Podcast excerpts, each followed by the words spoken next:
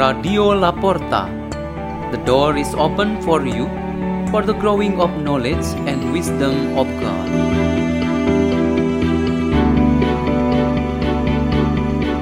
By Margareth Sembiring from St. Francis of Assisi Church, Singapore.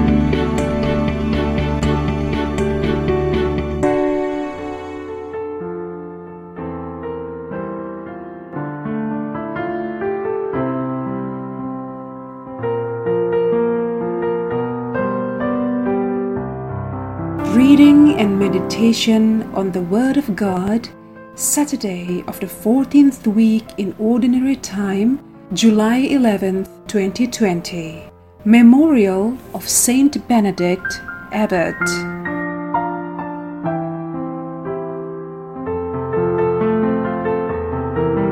The Gospel of Jesus Christ according to Matthew chapter 10 verse 24 to 33.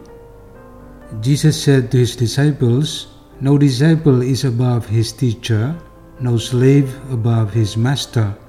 It is enough for the disciple that he become like his teacher, for the slave that he become like his master. If they have called the master of the house Beelzebul, how much more those of his household? Therefore, do not be afraid of them. Nothing is concealed that will not be revealed, nor a secret that will not be known. What I say to you in the darkness, speak in the light. What you hear whispered, proclaim on the housetops. And do not be afraid of those who kill the body, but cannot kill the soul. Rather, be afraid of the one who can destroy both soul and body in Gehenna. Are not two sparrows sold for a small coin? Yet not one of them falls to the ground without your Father's knowledge. Even all the hairs of your head are counted. So do not be afraid. You are worth more than many sparrows. Everyone who acknowledges me before others, I will acknowledge before my Heavenly Father. But whoever denies me before others, I will deny before my Heavenly Father. The Gospel of the Lord.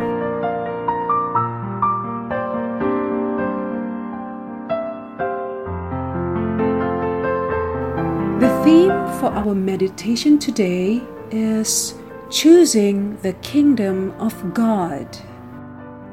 There was a young man who wanted to get married because his age was already sufficient, which was 35 years old.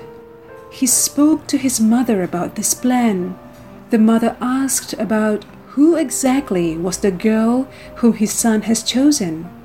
That is where the problem came out for clarification. The young man was confused to choose one of the two girls whom he thought were equally important and precious to him. He explained to his mother all the characteristics of the two girls. However, the mother, with her motherly intuition, was able to release her son's confusion by saying that he must choose one of the two who had the spirit of sacrifice. She must be able to offer from herself without reservation for the sake of her partner in life. As a consequence, her son must leave the girl who was believed to be the possessive person. The sign of someone who is possessive is that he demands to be considered important or be given a very special attention. Then the young man could finally make his right decision in choosing his ideal girl to be his partner for life.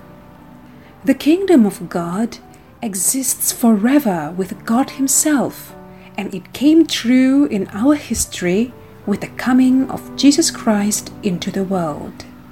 The center of this kingdom is the Lord Jesus Christ and all of His works for all of us. The main characteristic of this kingdom is all the spiritual works that are manifested in the self sacrifice of the Lord Jesus with his greatest goal, That is, to save humanity from sin and death. This kingdom directs its work to unite all mankind to be its people and citizens. On the contrary, the kingdoms of the world are full with this world's characteristics, namely, a life that is attached with flesh and materialism.